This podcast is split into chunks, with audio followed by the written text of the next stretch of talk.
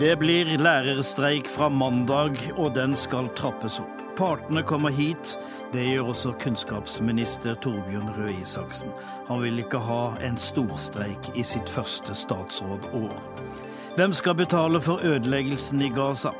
Folkeretten sier Israel, men i praksis blir det kanskje deg og meg?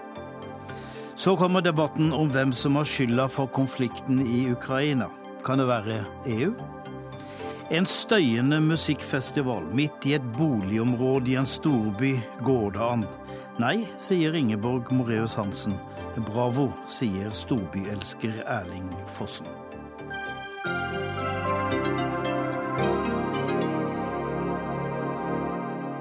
God kveld, du hører eller ser på Dagsnytt 18. Jeg heter Tom Kristiansen, og vi skal også få med debatten om det store og astronomiske spørsmålet skal sola og månen skrives med stor eller liten bokstav.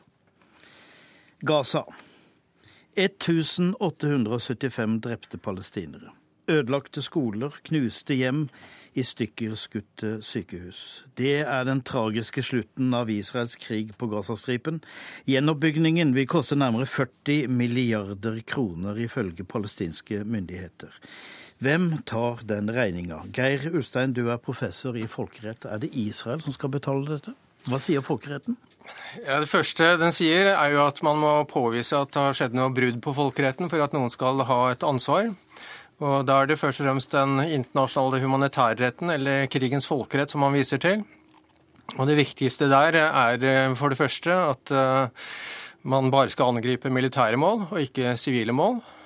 Men det andre, som er eh, like viktig, men som er ganske vanskelig, er dette proporsjonalitetsprinsippet. Så selv om noe er et militært mål, hvis det fører til uforholdsmessig store sivile skader, da er det også et forbudt mål. Og i eh, tett befolkede områder, og hvis eh, i den grad eh, Hamas skjuler seg i befolkningen, så er jo det vanskelig tema. Da er det i seg selv et brudd på folkeretten? Da, ja, det, det, det, kan være et brudd på folkeretten, men, men det, det, hjelper ikke Israel. Israel må allikevel beskytte de sivile. Fordi at Hvis Israel har visst at Hamas f.eks. har brukt sivile som menneskelig skjold, så står de likevel ansvarlig for å drepe sivile. Ja, det gjør det. Og det er det ene settet med regler. Det andre er dette med retten til selvforsvar. Israel sier jo at eh, grunnen til at de gikk til angrep, er disse rakettene som ble skutt av eh, Hamas. Eh, og, men, som også er et brudd på menneskeretten? Som også er brudd på, Ja, nettopp. Fordi at det er det er rettet mot sivile og ikke spesielt militært mål, og dermed er det også et brudd på folkeretten. Eh, men denne retten til selvforsvar den er også underlagt begrensninger. Der har vi disse prinsippene om nødvendighet og proporsjonalitet der også. Altså at man skal ikke eh, iverksette større angrep eller eh, skape større skader enn det som skal til for å slå tilbake angrepet. Og Da får vi spørsmål om 1800 drepte i forhold til eh, disse rakettangrepene. Er det et eh, forhold mellom de to tingene? Så Det er det andre settet med regler som også er aktuelt i forhold til eventuell erstatning fra, fra Israels side. Hvordan gjør man det? Sender man en regning? Ja, det, det, kunne man gjøre. Det, det, det, første er jo da å, å, finne ut fakta, ikke sant. Og, og hva er det som har skjedd. Det andre er å finne ut hva er reglene. Er reglene overtrådt? Og hvem skal vurdere dette? Det... Og hvem skal vurdere dette? Vi har ingen uh, internasjonale domstoler som står parat her. Så, så spørsmålet er da om uh, vi kan tenke oss bruk av internasjonale domstoler i denne sammenhengen. Vi har fått et spørsmål etter hvert nå om den internasjonale straffedomstolen, om den kan brukes. Men verken eh, Israel eller Palestina er så langt medlemmer av eh, domstolen. Og den er jo laget for å eh, dømme med straffansvar og ikke erstatning, først og fremst. Men, det er jo bare afrikanere som blir sendt. Så langt så, så, så, er det det. Men, men, eh, dette kommer til å komme opp som et eh, spørsmål om eh, Palestina vil slutte seg til, til straffedomstolen, og om straffedomstolen da må iverksette tiltak, etterforskning osv. Helge Simones, du er sjefredaktør i den Israel-vennlige avisen Vårt Land. Bør Israel betale? Det vet ikke vi ennå hvor omfattende, og vi vet ikke nok om denne konflikten ennå til å kunne si det. Dette er en konflikt som egentlig roper på utstrekte hender fra alle parter. I så måte ville det vært et bidrag om også Israel kunne betale. Men jeg tror ikke at Israel kommer til å være med på det, fordi at da blir det med en gang et spørsmål om hvem som har det moralske ansvaret for denne krigen. Og for Israel så er det veldig viktig å understreke at dette har vært en forsvarskrig for å ødelegge den infrastrukturen som Hamas har bygd opp. Og Derfor blir dette meget, et meget ømtålig tema, hvis at dere skulle begynne å diskutere det. det hvis du skal flytte det fra det juridiske til det moralske, eventuelt det smarte, politiske Ja, ja det er det, jeg prøvde å si. At, at uh, ropet på utstrekte hender og behovet for det jo, ville jo ha vært det smarte. For da kunne vi kanskje ha fått På hvilken måte? Ja, Da kunne vi ha sett at det kanskje begynner å få en antydning om at det er noen parter som vil hverandre vel. Men det er jo ikke noen antydning om det, og derfor fortsetter denne konflikten år etter år. Det er ingen måte de møtes på, det er ingen måte de gir hverandre utstrekte hender på. Og Det er bare ei gjørme av elendighet, og som jeg tror vi skal lete lenge og se lenge før vi kommer ut av. Så dette her er kjempevanskelig, og vi vet jo hva som skjer denne gangen også. Det er det internasjonale samfunnet som kommer til å ta regninga for dette. De er fulle av komplekser og dårlig samvittighet over at ikke storsamfunnet eller verdenssamfunnet har greit å gripe inn og løse denne betente konflikten. Og det kompenserer ved å, å betale for oppbygginga, og den tror jeg kommer til å skje raskt. Og Det er jo det gode i dette, at, at det, det kommer til å strømme godt på med penger. Så denne summen som du nevner, er ikke veldig høy i forhold til det, det internasjonale storsamfunnet kan stille opp med.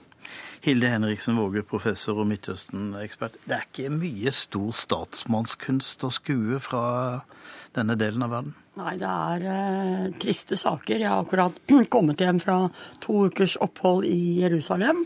Og det er eh, rett og slett eh, deprimerende å være forsker på jobb i det israelske statsarkivet når man ser hvordan eh, denne konflikten eh, utvikler seg fra vondt til verre og hver eneste gang. Jeg er nå ikke så sikker på hvordan dette internasjonale samfunnet denne gangen skal betale. Eh, for det er heller ikke så uten videre enkelt. Fordi at eh, jeg tror ikke at Israel verken kan eller vil eller ønsker å betale. Eh, og så kunne man tenke seg at man eh, kunne prøvd seg på den andre naboen Egypt for å eh, få Egypt til å bidra som megler eller åpne grenser eller sånn. Men eh, president Sisi han misliker Hamas omtrent like sterkt som Israel. Og så er det da denne giverlandsgruppen som eh, Norge leder. Og der er det jo det aller største problemet at eh, den giverlandsgruppen den har siden 2006 eh, boikottet og hatt en blokade av Hamas på Gazastripen. Så den vil jo heller egentlig ikke betale. Ja, Simonis, da blir du ikke enkelt, da? Dette, dette, er jo det store problemet. At, eh, at uh, Hamas har uh, tynn tillit hos svært mange for tiden. Og når vi vet, at, vi vet hva som har vært av korrupsjon og av de tilførte midlene som er kommet til dette området, så er det klart at det skaper en, en, ny spenning i hvordan dette skal finansieres opp. Fordi at det er sånn frykt for at det, pengene skal brukes feil, at det skal gå til å bygge opp igjen Hamas militært. Og, og som Henriksen Våge sier, så har ikke de lenger noe støtte i Egypt heller. Der som fra gammelt av kunne hente noe fra brorskapet. Det, det, er ikke noe å hente der heller. Så i sånn sammenheng blir det eh, vanskelig.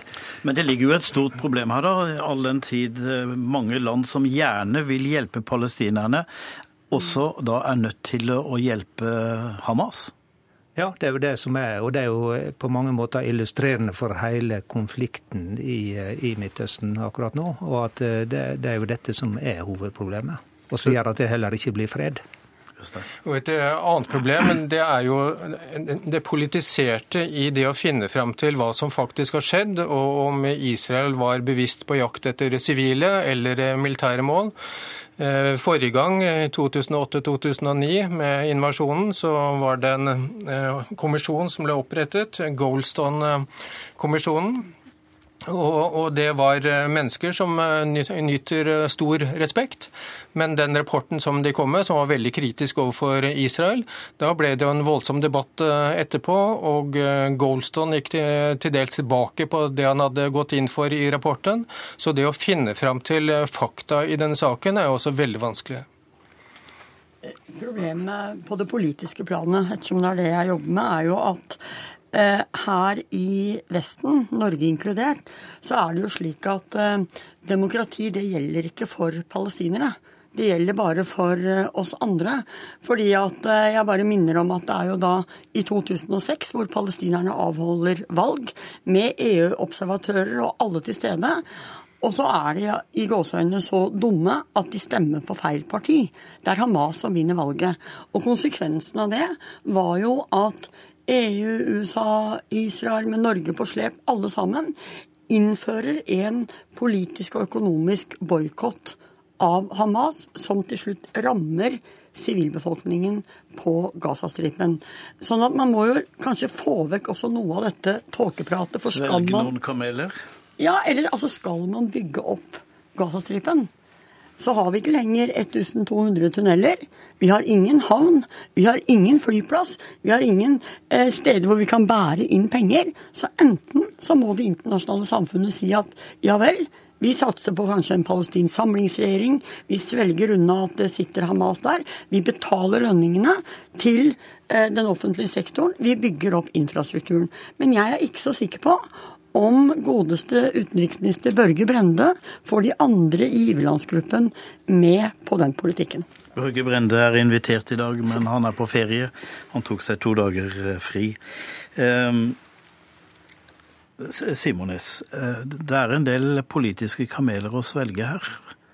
Terrorbevegelsen Hamas, som også har andre navn, frigjøringsbevegelse, sitter nå der de sitter, som eh, ledere for denne delen, valgt av folket. Og eh, hvis man skal støtte oppbygningen av Gaza, kommer man ikke utenom oss, og også samarbeide med Hamas, som ingen vil ta i hånda. Ja, og det er jo ikke det, på mange måter det internasjonale samfunnet som må svelge Hamas. Først må jo på en måte Hamas aksepterer at Israel har en rett til å eksistere. Og Det er jo det som gjør at, eh, at Israel er fullstendig avvisende til å, å, snakke med noen aktør der Hamas eh, er med. Og det er jo det som er den virkelig gordiske knuten eh, i dette. Og Hamas ser vel Men det var jo i sin tid forhandlingsgreia med PLO, som også ville skyve dem på sjøen. Men hadde det som sitt kort hvis vi får de og de kravene gjennom, så skal vi gi opp det. Ja, Det skjedde jo noen utstrekte hender der, og vi, vi vet jo alle det Norge var med på på, på 90-tallet, og at det ble en utstrakt hand mellom eh, Rabin og og eh, Arafat. Men eh, det er jo sørgelig det som har skjedd de 20 siste åra. Da må jeg si takk til dere, Geir Ulstein, Helge Simones og Hilde Henriksen Våge.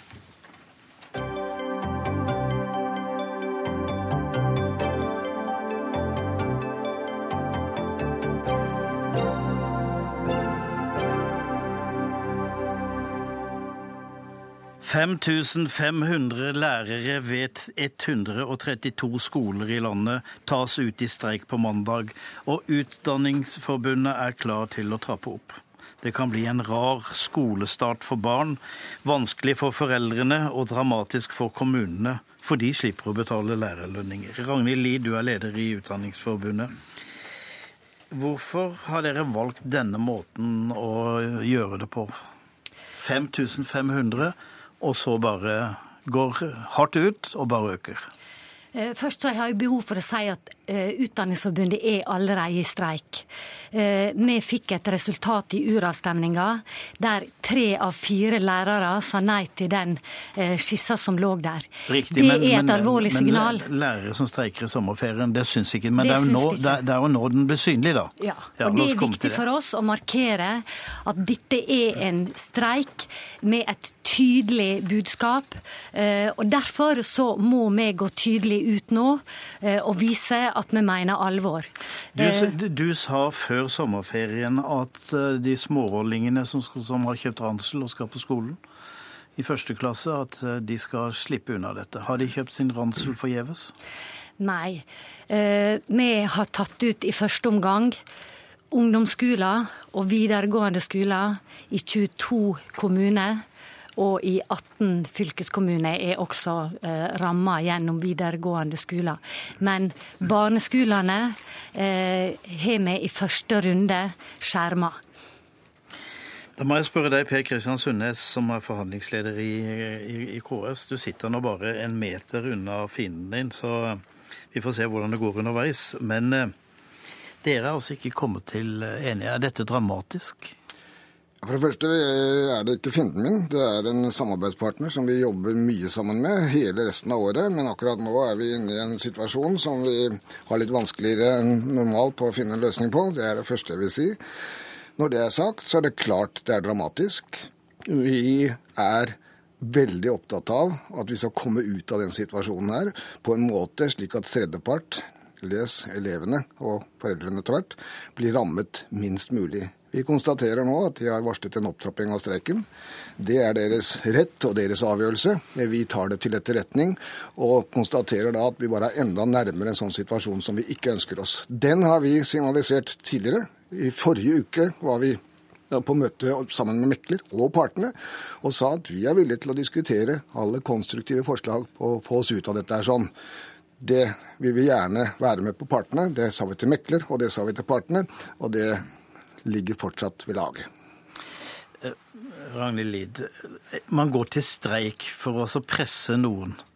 Men den dere presser, er jo kommunene som nå slipper å betale lærerlønninger, de har jo ikke noe travelt med dette. De sparer jo masse penger på dette.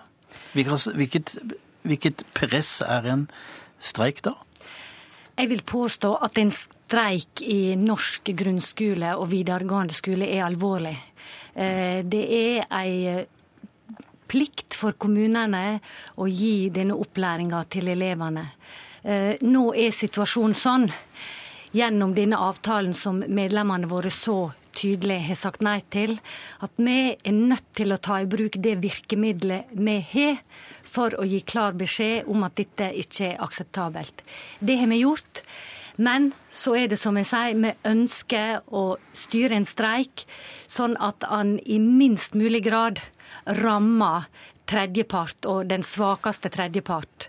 Derfor har vi nå holdt barneskolene uh, utafor i første runde. Det tror vi vil glede både mange små som nå skal begynne på skolen, og også mange foreldre. Det er først og fremst arbeidsgiver uh, vi er opptatt av å ramme. Ja, og det er spørsmål hvor mye det rammet den arbeidsgiveren er. Og Kunnskapsminister Torbjørn Røe Isaksen, du har jo bedt dem å finne ut av dette i tide. Nå er det ikke tide. Er du skuffa? Ja, altså jeg mener eh, alle har grunn til å være skuffet når man ikke klarer å finne en løsning. Og det er, det er jo sånn at Vi har noen veldig tydelige spilleregler i norsk arbeidsliv.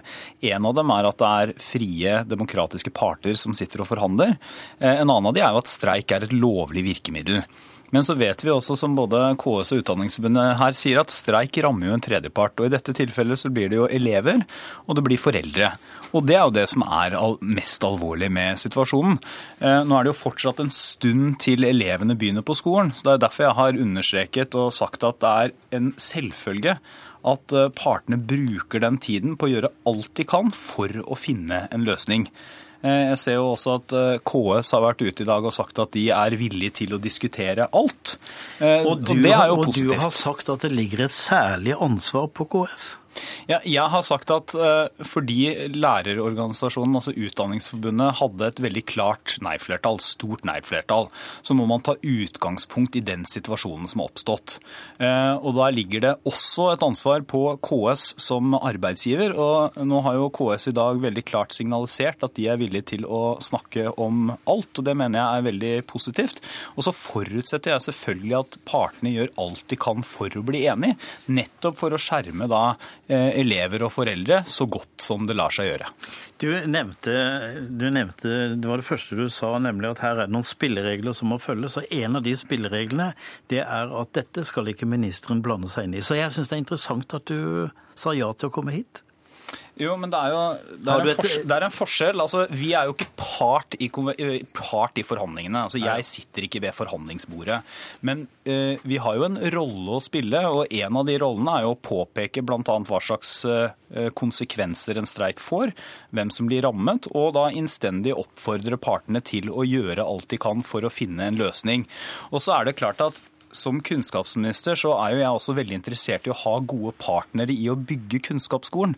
Så jeg blir jo selvfølgelig bekymra når lærere gir tilbakemeldinger om at de mener at eh, det er vanskelig å ha tillit og at eh, det er vanskelig å ha et godt samarbeid i skolen. Det er klart det påvirker det arbeidet vi alle er interessert i, nemlig å bygge en best mulig kunnskapsskole for elevene. Og så er det jo sønn av lærere, ikke sant. Eh, Sundnes, du hører at han legger et press, vil noen si, kan også si ansvar, på dere mer enn på lærerne? Ja, jeg hører Du sier i hvert fall at han gjør det. Jeg oppfatter at uh, han legger et press på alle parter. Uh, og det er, det er, vi villige til å ta, vår del av det ansvaret. Men vi er også helt, det er helt nødvendig for oss å si at dette er ikke et ansvar som påhviler KS alene. Det er mange parter i disse forhandlingene. Det er mange parter i den meklingssituasjonen, den konfliktsituasjonen vi er nå.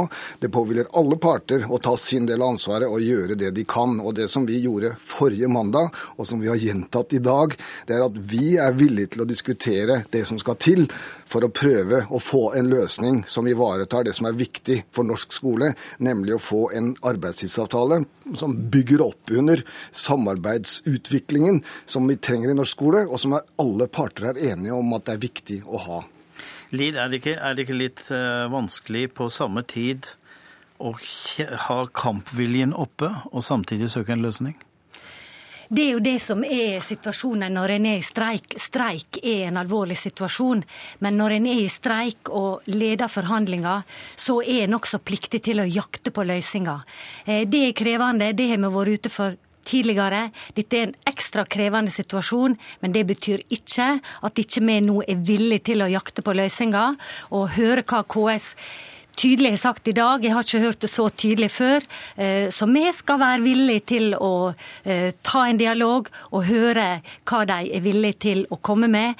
Det som er tydelig fra vår side, det er at vi er helt avhengig av en tydelig bevegelse. Vi trenger en arbeidstidsavtale som sikrer lærerne en fleksibel arbeidsdag. Da sier jeg takk til deg, Ragnhild Lid, og til Torbjørn Røe Isaksen og Per Kristian Sundnes, og bytter tre kloke mennesker ut med én, men det er til gjengjeld Magnus Takvam, NRKs kommentator, som eh, kanskje ikke har svar på alle spørsmål i, i, i verden, men eh, i denne sammenheng nå, nå, har du hørt samtalen her, Magnus Takvam. Hvordan tolker du tonen her? Eh, arbeidsgiverne er jo opptatt av å signalisere at de er forhandlingsvillige og er eh, innstilt på å skal vi si, kaste kortene opp i luften på nytt og, og eh, endre den skissen som har ført til denne storkonflikten. Og de blir tatt positivt imot av, av lederen for Utdanningsforbundet. Men vi skal huske på at det helt spesielle med denne konflikten vi har havnet opp i, er jo at nettopp disse to partene i første omgang greide jo å bli enige om et anbefalt forslag. Så jeg tror ikke problemet for dem er for så vidt å bli enige om en moderert skisse. Det vanskelige er selvfølgelig å få eh, lærerne, eh, flertallet av Utdanningsforbundets medlemmer som stemte nei, med på det. Så det må, må da selvfølgelig skje en betydelig endring av den skissen som førte til denne konflikten i løpet av de neste dagene for å unngå store konflikter. Hvor viktig er dette for statsråden Røe Isaksen? Eh, det er veldig viktig. Og eh, Høyre og Røe Isaksen er opptatt av ikke ikke å bli assosiert med KS sin linje i denne saken. Vi skal huske på at eh, KS sitt hovedstyre, det politiske styret, er ledet av en veldig aktiv fylkespolitiker fra Høyre. Slik at eh, jeg tror eh, han har både i avisen, i offentligheten og på bakrommet eh, lagt det presset han kan, uten å gå for langt, på særlig kanskje på arbeidsgiverne, for å bevege seg og få til en løsning. Han vil ikke gå inn i skoleåret med Høyres utdanningspolitikk som ambisjon å møte frustrerte og sinte lærere da, da Så det, det, er bakteppet for at han engasjerer seg sånn. Er det, noe, er det et spill her vi ikke ser, som ikke foregår i dagslyset? Det er klart det er møtevirksomhet, som, som jeg er inne på, f.eks. mellom eh, altså, la oss si, departementet Røe Isaksen har kontakter i begge, eller i alle leire. Det er også eh, i de andre arbeidstakerorganisasjonene, i Arbeiderpartiets folk i, i, i KS-systemet. Det er et, blitt lagt et enormt press på partene for å få til en løsning, eh, løsning her. Og begge parter er i en skvis. De har press både fra publikum og fra sine egne rekker for å, for å få til noe. En del hevder at f.eks. Utdanningsforbundet har som mål her å, å faktisk få til en konflikt og vise medlemmene at de er tøffe. Men jeg tror de også er innstilt på å unngå det. Fordi alle ser at en storstreik i den norske skolen med alt det det betyr for elever og foreldre, fort kan gjøre dem upopulære. Dette er jo da en konflikt som ikke først og fremst koster noe. Ja, Det er riktig. Den dreier seg jo om denne særavtalen om arbeidstid eh, mellom lærerorganisasjonene og, og, KS. Så det er ikke snakk om å Du, du kan ikke kjøpe deg ut av denne konflikten med, med mer kroner. Så da må noen være smarte. Takk skal du ha, Magnus Takvann. Dagsnytt 18 alle hverdager kl 18.00 på NRK P2 og NRK2.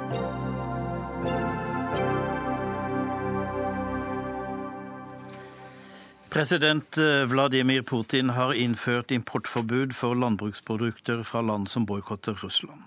Det er siste vrien i konfliktspiralen. I Ukraina er situasjonen spent og kritisk. Det meldes at Russland har plassert 20 000 soldater på grensa til landet, selv om de benekter det. Og fra Nato, fra Tyskland og Polen, kommer det nå bekymringsmeldinger for at Russland kan komme til å gå inn i Ukraina fra øst.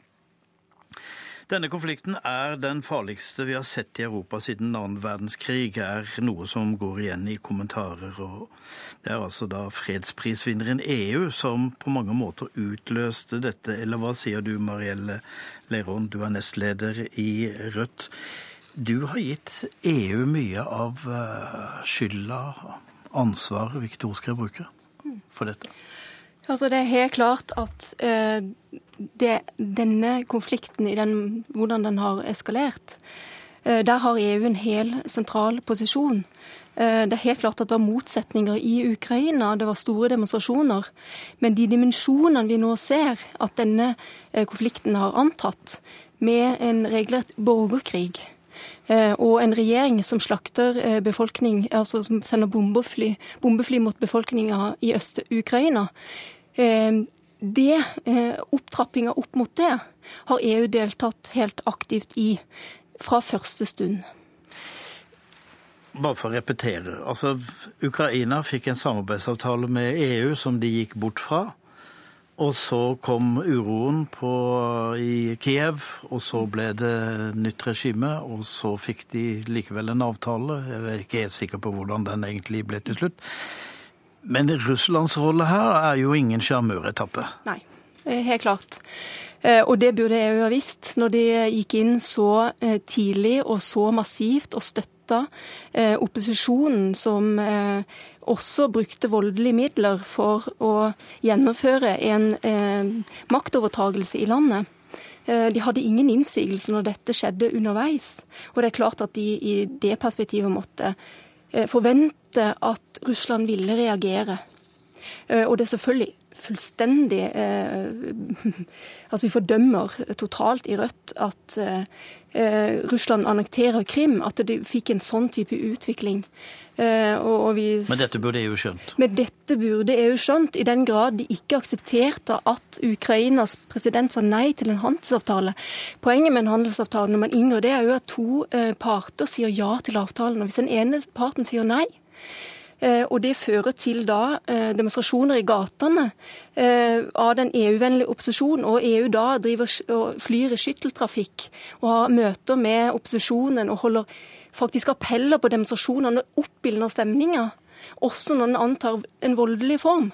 Da må de regne med at eh, Russland kommer til å reagere, i hvert fall når det da også skjer ved en, en maktovertagelse og det i dag sitter en regjering som ikke er lovlig valgt. Sveining Rotevatn, stortingsrepresentant fra, fra Venstre. Altså, Russland har et hovedansvar her. Men EUs rolle ser du kanskje noe annerledes på enn at de har utløst dette ragnarok slik det har vært til nå? Ja, jeg må innrømme at jeg trodde nesten ikke mine egne øyne da jeg leste innlegget som nestlederen i Rødt her har skrevet på, på Nei EU sine hjemmesider, der han da skriver sitat, at dette er den første krigen som er helt direkte utløst av EU-prosjektet. Nå står det 20 000 kampklare russiske styrker på grensa til Ukraina. Og så sitter Rødt her i Norge og legger skylda på EU, som et demokratisk samarbeid mellom Europas stater. Eh, det er ikke slik at fordi EU tilbydde Ukraina en frihandelsavtale og bli en del av et samarbeid, at han da kunne, som Rødt sier, forvente at Russland skulle annektere Krim. At Russland med sin bøllete opptreden, som en ikke har sett maken til siden andre verdenskrig, begynner å annektere et annet landområde, driver og oppildner stemninger, fyrer opp under sekteriske konflikter i et land, og nå har gjort seg sjøl til nesten en pariastat i verdenssamfunnet, det var det ingen som kunne forvente. Og det å skulle tilby et annet land i Europa å være med og samarbeide, det er en positiv ting, og det er iallfall ikke å direkte utløse en krig. Jo, men alle, alle, positive ting har en eh, bakside. Og her ligger jo Ukraina ligger i midten. Og skal Ukraina lene seg mot vest eller mot øst, det er et stort geopolitisk, sikkerhetspolitisk spørsmål hvor EU involverer seg. Og dermed blir en del av ansvaret. Jeg sier ikke nå at de har mm. hovedansvar, men jeg bare spør, har ikke EU et slags ansvar for å se konsekvensene av inngripen i en geopolitisk balanse? Nei, jeg mener ikke at EU har et ansvar for at det ukrainske folk, når de så at framtida forsvant foran øynene sine pga. den korrupte Janukovitsj og Vladimir Putin, reiste seg opp mot regimet eh, og ville ha et demokratisk styre og et mer vestvendt styre. Det har ikke EU noe ansvar for. Selvfølgelig spiller EU en rolle her i det at de tilbyr Ukraina å være med og handle og bli en del av et demokratisk Europa, men det er bare én en eneste stat som har ansvaret for det forferdelige som nå skjer i Ukraina. Det er Russland. og Derfor så skremmer det meg når jeg leser det Rødt skriver både i det innlegget vi her snakker om, men også tidligere, der en beskriver eh, eh, revolusjonen i Ukraina med ordelag som en omtrent bare ser i pressemeldinger fra Kreml, der du snakker om at det er fascister som står i front, osv. osv. Dette er nøyaktig den samme retorikken Russland bruker. Det blir ikke mer sant av det. Eh, å sitte her i Norge og oppleve at folk kjøper det, det syns jeg er skremmende. Leron. Nei, altså, Dette viste jo også NRK på en Urix-sending. Viste dette eh, Svoboda og sitt eh, flagg vaie utenfor parlamentsbygning. Altså, Svoboda er da høyreradikale med Nasus-sympatier, som også fikk fire ministre i den første regjeringen, den første kuppregjeringa. Så dette er jo ikke en, det at Venstre her eh, eh ikke har noe problem med å støtte støtte da det som er en væpna maktovertagelse, syns jeg er ganske interessant. Jeg syns også det er interessant at de godtar så uh, fullstendig at uh, en president uh, sender bombefly og tanks mot egen befolkning i øst, som helt beviselig var den delen av landet som støtta den tidligere presidenten, og som er de mest folketette områdene i landet. Det er jo ikke kriminelt å tilby en handelsavtale? Nei, og det er akkurat det. Eh, hadde det vært så vel at EU hadde trukket seg altså hatt en nøytral altså EU har, eh, den, De inntok ingen nøytral meklerrolle her. altså. De, de erklærer seg sjøl til å bidra til fred og stabilitet i Europa, à det de også der de fikk fredsprisen for. Men det var ingenting som tyder på at de inntok den posisjonen i denne de gikk tydelig inn og støtta en opposisjon som også brukte voldelige midler for å fortsette å bruke voldelige midler mot egen befolkning. Det som skjedde, var at Ukraina fikk et tilbud om en avtale som de ønskte, som presidenten ønskte, og som EU ønskte, helt til Russland begynte med sin bøllete opptreden med alvorlige trusler økonomisk og annet mot det landet tvang presidenten til å snu. Og det var da opprøret kom. Og Det er ingen grunn til å gi EU skylda for det. Og det er i hvert fall ingen grunn til å kjøpe den russiske propagandaen om at det var fascister som sto bak revolusjonen. Etter at de fikk et demokratisk valg i mai, så fikk de fascistene som Rødt snakker om, til sammen 2,2% oppslutning. Vi snakker om et demokratisk styre som ønsker å få tilbake kontrollen over landet sitt, og som ikke kjemper mot EU, som kjemper mot Russland. Og jeg synes Noe av det mest alvorlige i det innlegget som Rødt har skrevet, er det følgende i sitatet. Et føderalt EU med felles utenrikspolitikk og utvidelse østover har aldri vært noe fredsprosjekt. Det være mer enn tydelig nå. Her antyder en at EU-prosjektet er det motsatte av et fredsprosjekt når det handler om Øst-Europa. Og det er en hån mot alle de polakkene, esterne, litauerne som levde under sovjettyranniet. Ja, dette er jo det tydeligste eksempel på det. Altså Når de da tar en såpass aggressiv posisjon i det som er en intern konflikt. Eh, en dag etter at eh, det ukrainske folkevalgte parlamentet eh, stemte ned et mistillitsforslag mot sin egen regjering, så eh, reiser da eh, utenriksministeren i Tyskland ned og ha møter med opposisjonen. Det er direkte å ta, innta en posisjon, ikke nøytral og fredelig posisjon i en intern konflikt, men de inntar da en posisjon hvor de da samarbeider med krefter da også som, som til sist også da bruker da voldelige midler for å ta over en regjeringsmakt. Der er jeg dessverre nødt til å sette strek. Vi kommer ikke lenger. Vi får diskutere fredsprosjektet i EU en annen gang. Takk til Sveinung Rotevatn og Mariell Lervold.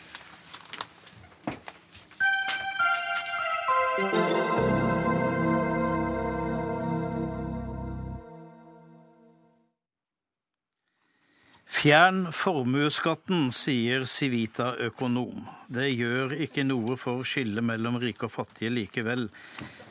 Og det skal vi ha en diskusjon om her i eh, Dagsnytt 18, for uh, det, dette er en sak som har uh, engasjert.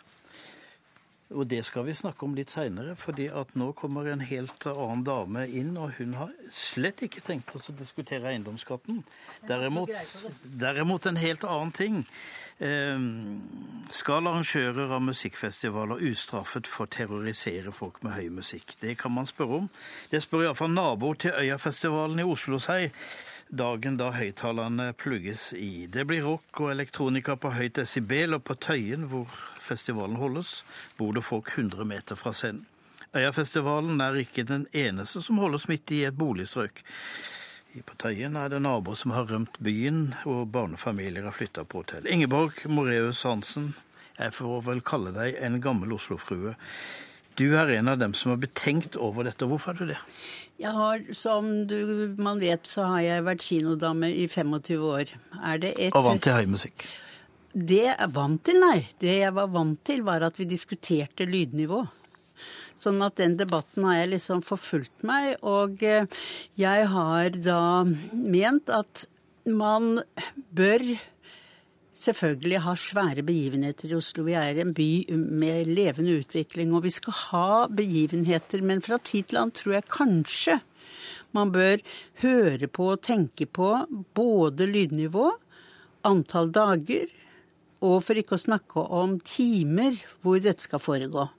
Det er jo sånn når vi andre opplever at naboer holder hula bula fest og sånn, så blir vi varslet, og så får vi vite at klokken tolv er det slutt, eller det som verre er Ja, Men på, nå har vel folk ved denne anledning blitt varsla i avisen i en hel måned? Jo, men hvor lenge varer det, liksom? Og når man setter i gang sånne arrangementer Øya er fenomenalt, og i dag stråler solen, og det er kanskje bare jeg som syns at vi skal diskutere dette. Men nå måtte de jo flytte opp i et boligområde.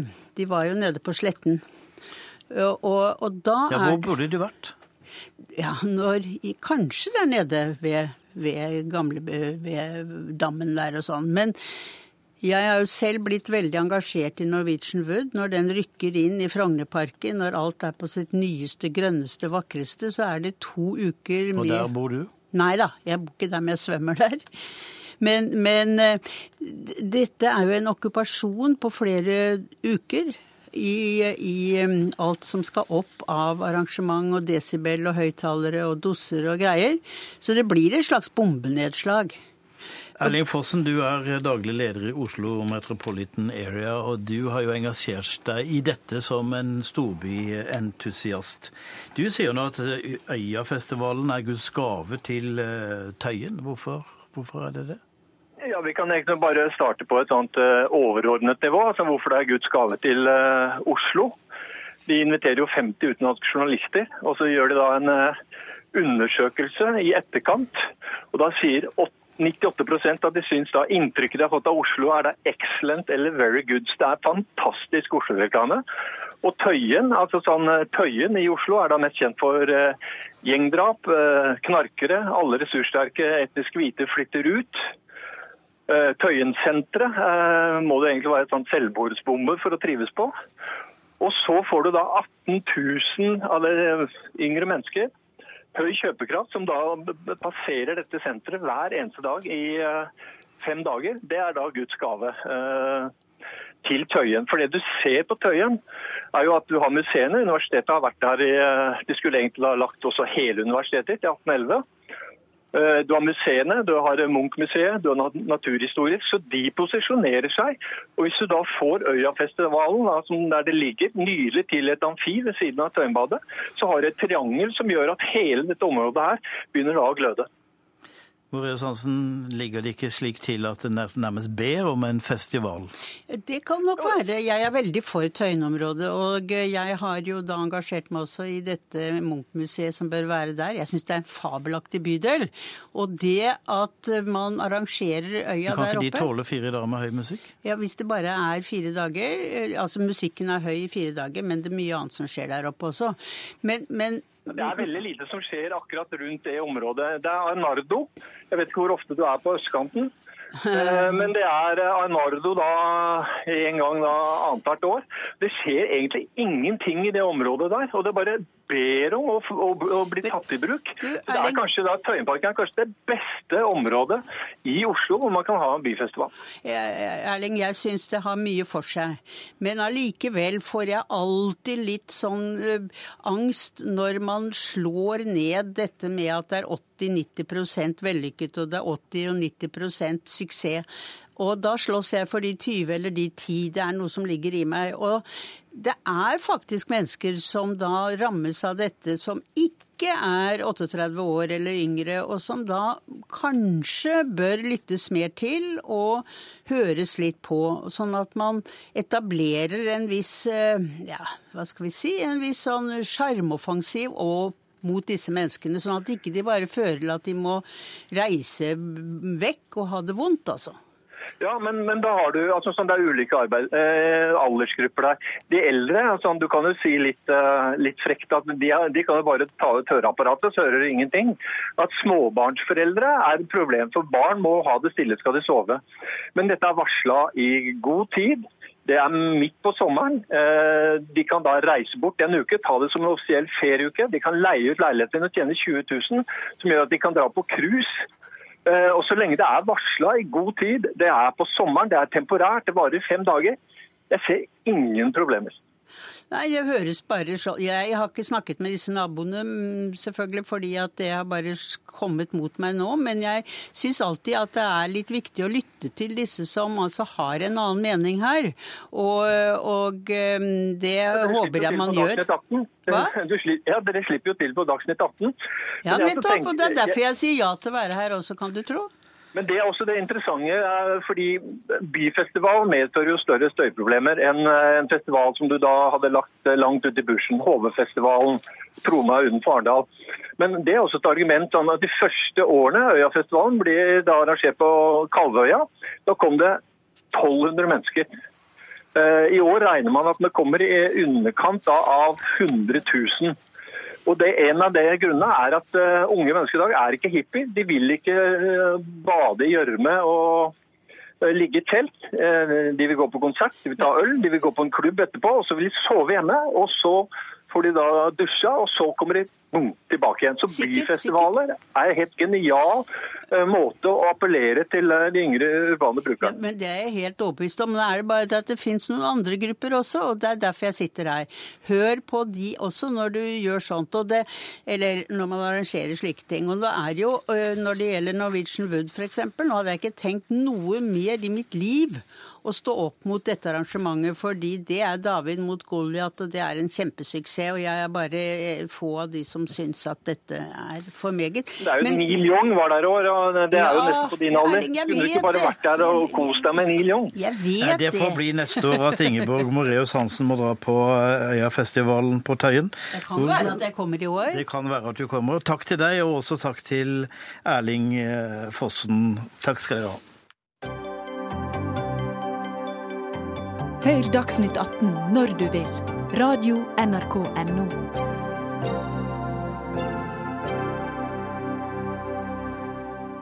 Ja, nå skal vi snakke om formuesskatten. Og det er altså en økonom fra tenkesmia Civita som mener at den godt kan fjernes. Den skaper ikke de forskjellene den er satt til å redusere. Denne skatten altså den utgjør 1% av formue på over 1 million, og dette er altså så lite at du rett og slett kan bare fjerne den. Vilman Vinje, du er samfunnsøkonom i Civita. Det er du som har nevnt disse tingene her. Hvorfor blir det ikke større forskjeller mellom fattig og rik hvis vi fjerner formuesskatten? Formuesskatten blir jo sett på som den store uh, omfordelende uh, grepet som måtte sikre at de rikeste betaler skatt.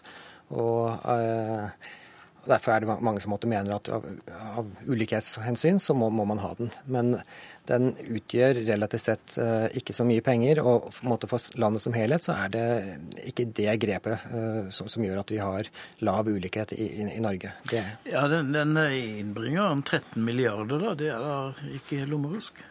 Nei da, den, den, utgjør en, en, en, klar sum. men uh, det, det, er ikke de omfordelende virkningene av, de pengene som er avgjørende. Det er mest velferdsstaten som er den, store, avgjørende politiske komponenten i Norge som gjør at vi har eh, stor omfordeling. Den står for eh, ja, over 70 og så er skattesystemet også uh, betydningsfullt, men av, av, innenfor skattesystemet så står det formuesskatten kun for 2% av den politiske omfordelingen, alt i alt. Karl Måne, du er professor i økonomi ved Universitetet i Oslo. Hva blir konsekvensen av å fjerne formuesskatten, som ikke betyr noe, hører vi her? Altså verken i kroner og øre, verken i milliarder, eller i, i sosial utjamning. Jeg tror det for det første så ville den, Kanskje den viktigste konsekvensen ville jo være et signal. At, uh, at en ikke skulle skattlegge formuer. Og, og, det tror jeg ville skape andre reaksjoner. Men jeg syns argumentasjonen er litt rar her. og, og hvis den, det høres ut som en går inn for å si at nå skal vi se etter ting som skaper stor omfordeling, og det som ikke skaper stor omfordeling, det skal vi fjerne. Men hvis det er slik at det var omfordeling som var poenget, da skulle vi jo øke formuesskatten. Det er jo fordi formuesskatten er så lav at den uh, ikke bidrar til, uh, til, omfordeling. Så da er det jo å trykke skikkelig til fra Civita sin side og si at hvis vi skal ha den omfordelingen som da Civita nå sier de ønsker, så er det bare å, å øke den. Det kan fleske skikkelig til, da, så blir det omfordeling ut av det. Uh, og det er en veldig treffsikker skatt i, i den forstand. Eller ligger det på siden av ditt tankegods? I land hvor ulikheten er veldig stor, så, så, er ulikhet veldig viktig å motarbeide. Eh, Norge er et av de aller mest eh, like land. Vi er nummer tre i OCD når det gjelder ulikhetsrangeringen. At vi har tredje lavest ulikhet. Så vi er, ganske langt fra at måte, ulikhetsdimensjonen er et trussel mot samfunnslivet som sådan. Grunnen til at jeg mener at formuesskatten bør avvikles, er at den er klart negativt for verdiskaping, arbeidsplasser og bedrifter i Norge. Så vi svekker måte, velstanden alt i alt i landet ved å ha en formuesskatt. Ja, hva, hva, er konsekvensen utover å være en uh, ulempe for de som har mye penger? Nei, uh, de fleste som Samfunnsøkonomisk? Ja, de, uh, vi blir alt i alt som land et fattigere land av å ha formuesskatt. Og, det er Grunnen er at det, det, vi har 270 000 som betaler formuesskatt på investeringer i bedriftene sine, i næringsinvesteringer. Det er bredden av Småbedrifts-Norge eh, som i antall betaler formuesskatten. Eh, og de får mindre investeringer, de får mindre robuste bedrifter. Og liksom, nyskapingsevnen og ja, kapitaltilgang til bedriftene eh, svekkes. Så den virker negativt på økonomien og bedriftenes virkemåte. En, en, ting tror jeg er hvordan formuesskatten virker på noen eksempler som Wilman nevner her. Det, det, kan det være riktig. Men dette er jo argumenter som kan brukes mot enhver form for skattlegging. Det er ikke bare slik at, det er formuesskatten som, som kan ha slike effekter. Altså, Civita har mange ganger gått inn for at de beskytter privat eiendomsrett. Men privat eiendomsrett til formuer beskyttes så mye mer enn privat eiendomsrett til den strømmen av inntekt som utgjøres av lønn til eh, ansatte. Det er klart at dette kan, Skatt på lønn kan jo også bremse muligheten til ta, eller ønsket om å ta økt utdanning. Så argumentene er eh, argumenter som kan Eh, henføres til enhver diskusjon av uh, skattlegging. At det kan brukes mot enhver form for skatt. Og, og da syns jeg jeg må, jeg må, utvide perspektivet litt og se på hvem som har evne til å betale skatt. Skatt etter evne, at det skal være et rettferdighetsprinsipp bak dette. Jeg har ikke beinharde prinsipper for hvordan det er ikke noe interessant hvordan jeg vil ha skattesystemet, men jeg syns det er noe med argumentasjonen her som høres den høres, så, den høres for objektiv ut. For meg høres det mer ut som et, uh, som et, uh, et forsvarsskrift for uh, fjerning av formuesskatten, ikke noe mer. Også tilsvarende argumenter kunne vært brukt til å fjerne eller redusere skatten på høye inntektsgrupper, f.eks. Med like mye rett eller like lite rett som, som dette notatet har. Det er liksom at Argumentasjonen er ikke spesifikk nok. Vinje. Jeg tror alle syns det er rimelig at man gir en andel av de verdier som skapes, til fellesskapet. Og, uh, inntektsskatten så sådan, at man, man, en viss andel går til skatt, det er, tror jeg alle syns er rimelig. Og man har eh, innført en utbytteskatt som gjør at man må ta pengene ut av bedriften, så skattlegger man nye 28 Så uh, det er skattevilje i næringslivet, men formuesskatten har en særegen negativ virkning på mange bedrifter. Den må betales når det går med underskudd. Eh, kapitalen må ofte hentes ut av bedriftene. og det, Det, har negative virkninger på investeringer og, og, og slikt. Så det er Morne, en, en, bedrift som går med underskudd fordi de ikke har fått solgt varene sine, så må du betale formuesskatt på de varene som ligger på lager. Altså, for, Formuesskatt eh, er, som alle skatter som er på en beholdning av ting, ikke knyttet til den løpende inntekt. Det er akkurat som... Eh, Men Er det rettferdig at du skal betale formuesskatt når du går med underskudd? Det er fint å, at en kunne lage omdanninger av formuesskatten som, som, trimmer det systemet til å gjøre det bedre og ha, ha mindre skadevirkninger. Men det gjelder for hele skattesystemet. Det er ikke noe spesielt ved dette. Folk har en slik veldig oppfatning av at beskyttelsen av formue skal være mye bedre enn beskyttelsen av den løpende inntekt. Derfor så I notatet til Wilman så også regner de ut belastningen i form av den løpende inntekt. Men det er jo irrelevant når evnen til å betale skatten er knyttet til den formuen eh, folk har. Og dette tror jeg ja. akkurat som eh, det, det, dreier seg like mye om kunnskap og evner som folk har. Eh, det ble skattlagt gjennom lønnssystemet, lønnsskattesystemet. Og det er ikke noe spesielt ved liksom formue som gjør at det skulle komme i en helt annen kategori. Vi har en veldig lav formuesskatt. Men hvor, hvor rettferdig eller sannsynlig eller fornuftig er det at en mann som Kjell Inge Røkke betaler masse i eiendomsskatt, mens Petter Stordalen betaler ingenting? Han har bare fiksa budsjettet sitt på en annen måte. Det er, eh, det er akkurat sånne ting som en burde diskutere mer. Ikke å fjerne formuesskatten, men å legge det om slik at det blir mer effektivt. Rammer de som ønsker å ramme med stor evne til å betale skatt, og ha mindre skadevirkninger for små bedrifter. Det er den tilpasningen vi skal diskutere. Men det er ikke det eh, Wilman legger opp til. Han legger opp til at dette skal, være et argument, argumentasjon for fjerning av formuesskatten alt i alt. Da må jeg si eh, takk til dere, Kalle Mone, professor i økonomi, og Wilman Vinje, som er samfunnsøkonom i Civita.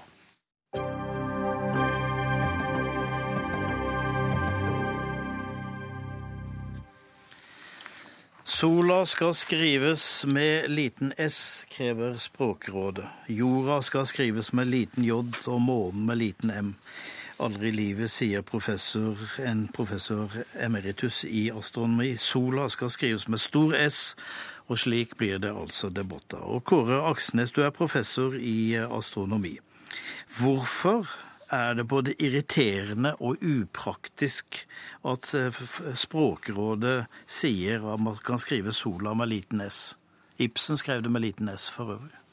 Når en ser på at alle de andre planetene og alle himmelobjekter, eh, særnavnet er skrevet med, med store forbokstaver, så jeg ser ingen grunn til at eh, sola, jorda og månen skal eh, være et unntak. Det er nesten som om eh, det ligger en utilsikta sikkert nedvurdering fra Språkrådets side på å insistere på små forbokstaver for særnavn. Men når det finnes så mange soler og så finnes så mange måner, så eh, det vel, er det vel mest sånn, eh, opplagt at det skal skrives med liten bokstav? Jo, men når du sier måner, så er jo det et annet navn på satellitter. Det er jo eh, også et, et, en fellesbetegnelse. Men månen, da tenker vi jo på vår jordmåne. Og eh, den har jo krav på å bli uh, behandla på samme måte som f.eks. Merkur, Venus, Mars osv. Og, uh, og det samme med sola og, og jorda, ikke minst. Arnfinn Woren, du er direktør i Språkrådet. Kan du forklare dette? Hvorfor kan ikke månen der oppe hete månen med stor M? For det er jo månen vår. Ja, det er vår måne, og det er den månen vi vanligvis tenker på når vi sier månen. Eh, så, og i hvert fall når man ser det fra et verdensromsperspektiv, som eh, Aksnes eh, gjør her, med vi har de og de planetene, og vi har månen og andre himmellegemer, så forstår jeg jo godt. Og vi har Jeg forstår godt synspunktet til Aksnes, men jeg har ikke og jeg har ikke tenkt å, si vi, å gå med på at vi nedvurderer jorda og månen og sola, i hvert fall. Nei, faktisk så Men hva er, hva er grunnen ja, til at du har truffet denne beslutningen? Det, eh, for det første er det ikke jeg som har gjort det. Det er en beslutning som ble trukket for eh, mange år siden. Det begynte med for 19 eh, år siden, i 1995. Da vedtok faktisk fagnemnda i, i Norsk språkråd, som det het den gangen, at sola jorda og månen skulle skrives med stor forbokstav i eh, disse sammenhengene som vi snakker om her. Eh, og mm, det var jo da delvis ut fra at det var et ønske fra fagmiljøet. Så gikk det fire år, og da eh, hadde fagnemnda i Språkrådet et nytt eh, møte, og da vedtok de å gjøre om på det. For det viste seg i mellomtida at det var altfor vanskelig i praksis å gå opp grensa mellom når er det vi snakker om sola og månen og jorda som den eh, astronomiske, og nå redder vi snakker om det i andre sammenhenger. Aksnes, er det en forskjell på dette å snakke om sola eh, blant forskerne dine og i vitenskapen, og sola i litteraturen? Selvfølgelig er det det. Fordi at Når vi snakker om det som et vitenskapelig objekt, og, og også ikke bare vitenskapelig, men populærvitenskapelig i almanakker osv. Så, videre. så jeg kan overhodet ikke skjønne at det er noe problem med å bruke store bokstaver når det er snakk om egenskapene til eh, disse objektene. Mens uh, hvis det er en litterær eh, henvendelse, sola skinner eller noe sånt, så, så, så er det jo greit. Og om de vil bruke små forbokstaver. Men det ligger jo en nedvurdering i det. Og hvorfor skal eh, Norge gå på tvers av andre utenlandske fagmiljøer på dette punktet? Jeg skjønner det overhodet ikke. Jeg var f.eks. i kontakt med Erik Tandberg i dag, som er helt skjønt enig med meg. Ja, altså Det er jo en tradisjon for det i, i det norske fagmiljøet. Det, så der er man jo... Ja, Men det er tradisjon i det utenlandske fagmiljøet? Jo, men det er jo sånn at uh, ulike språk har ulike regler og tradisjoner for hvilke ord som skal skrives med stor forbokstav. Eng engelsk f.eks. Uh, eh, skriver mange flere ord med stor forbokstav enn norsk. Så nei, altså det er, det er rett og slett det gode Når vi snakker om det nå, så høres det ganske, ganske ganske fornuftig ut å ha store forbokstaver på disse tre ordene, ja, men i praksis Jeg synes ærlig talt at dere i Språkrådet har veldig tynn grunn. I praksis viste det seg å være Dere insisterer på har dere gjort en bestemmelse om den er god eller dårlig, så skal den vedtas for all ettertid. Jeg synes det er en merkelig holdning.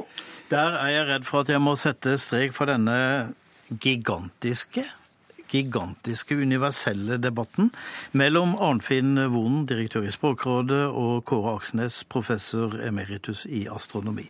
Og Der setter vi også strek for dagens eh, Dagsnytt 18. Ansvarlig for sendinga har vært Andrea Kvamme. Tek teknisk ansvarlig Lisbeth Sellereite. Jeg heter Tom Christiansen, og vi ses og høres i morgen.